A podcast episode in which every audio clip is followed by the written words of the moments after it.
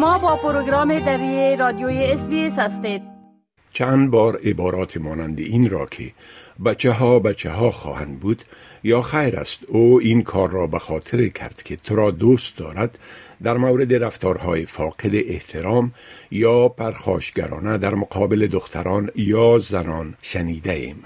متخصصین می‌گویند اگرچه این عبارات در ظاهر به ضرر معلوم می شوند اما در واقع پرخاشگری را طور یک چیزی که گویا برای بچه ها طبیعی است یا روشی است که توسط دختران تحریک می شود ناآگاهانه معمول می سازیم.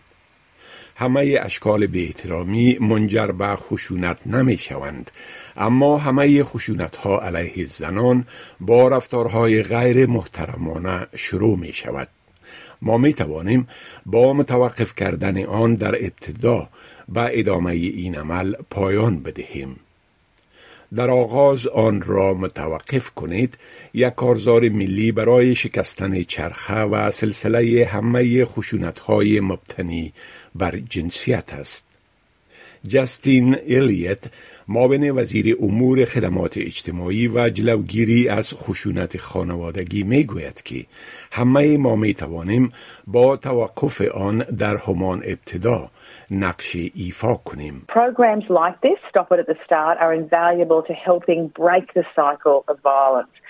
And they focus on particularly about helping people in the community raise young people, especially the 10 to 17 year old age group, so they better understand and embody respectful behaviour. این کارزار در سال 2016 پس از نشر آمار تکان دهنده در مورد خشونت علیه زنان و اطفال آغاز شد. این کارزار تایید می کند که چنین رفتارهای جوانان با اثرپذیری از بزرگسالان، سرپرستان و اشخاص اثرگذار در دور برشان آغاز شده و شکل می گیرد.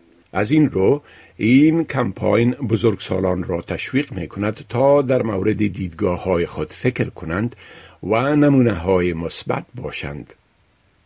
دکتر روزینا مکالپاین متخصص اولادداری و نویسنده کتاب Inspired Children است. او می گوید بحانه های مانند بچه ها بچه ها خواهند بود می تواند دیدگاه جوانان را در مورد آنچه خوب است شکل دهد و رفتار به احترامی را در جوانان توجه کند. Violence doesn't just start. It grows from being a young child and then moving through adolescence and into adulthood. It's time to stop the excuses like, you know, oh, boys will just be boys. It's okay, toughen up, buttercup, all that stuff we say. We've got to stop those excuses. دکتر مکلپاین که در خانه بزرگ شده که خشونت از پدرکلان او به پدرش انتقال یافته سلسله خشونت را خودش تجربه کرده است. دکتر مکلپاین می‌گوید که مادرش از نسل معتقد به این اصل بود که پدران باید تعدیب کنند. آنچه گسستن چنین سلسله را مشکل می سازد این است که مانند پدر دکتر مکلپاین بسیاری از کسانی که از رفتار تند و خشن کار می گیرند معتقدند که کار درست انجام می دهند. لذا این سلسله ممکن ادامه بیابد زیرا آنها راه دیگری را نمیدانند. He really truly with all his heart thought he did the best for us. I don't condone violence in any way, but I also know that he would say things like, when I was young and growing up, my father used to hit me for no reason. I never hit you for no reason. So in his mind, he'd moved closer to what would be ideal parenting. دکتر مکلپاین سالهای زیادی را صرف تحقیق و شریک ساختن روش های حمایتی والدین کرده است و اساسا سلسله خشونت خانوادهش را شکسته است. I learned little by little what it meant to be a good parent, what supportive parenting looked like. It's all about educating our children how to be in the world. It's not about disciplining and punishing or rewarding them for how to be in the world, but giving them those internal compass, the life skills that they need. So for me, breaking the cycle was learning how to be a good parent. گسستن این سلسله صرف مربوط به تفکر بزرگسالان در مورد رفتار و سلوک خود آنها نیست. معاون وزیر می‌گوید که بخشی از این کمپاین تشویق مردم به صحبت و مفاهمه فعال باز و مداوم در مورد روابط محترمانه و برابری جنسیتی می باشد.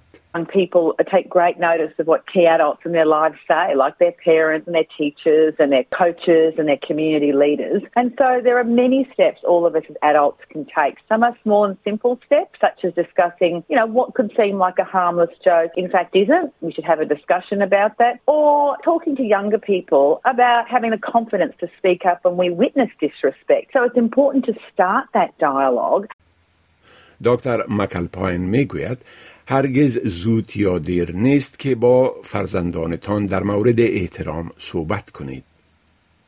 منابع فراوان از جانب کمپاین Stop It at the Start یا در آغاز آن را متوقف کنید فراهم شده که می تواند به شما کمک کند تا بحانه های غیر عمدی را بشناسید گفتگو را شروع و به پاسخهای فرزندانتان رسیدگی کنید معاون وزیر می‌گوید که منابع ترجمه شده به چندین زبان برای جوامع متنوع فرهنگی و زبانی در استرالیا هم وجود دارد. Well, we know that often the rate are higher amongst certain groups and multicultural groups. Also, we have an increase of rate with Aboriginal and Torres Strait Islander women.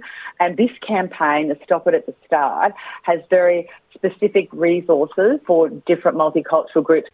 ماریا دیماپولس می‌گوید که رهبران جوامع متنوع فرهنگی و زبانی نیز در رسیدگی کردن به این مسائل به شیوه حساس فرهنگی نقش مهمی دارند. او رئیس هیئت مدیره یک نهاد عمده برای خدمات تخصصی خشونت خانوادگی در ویکتوریا به نام سیف این ایکول است.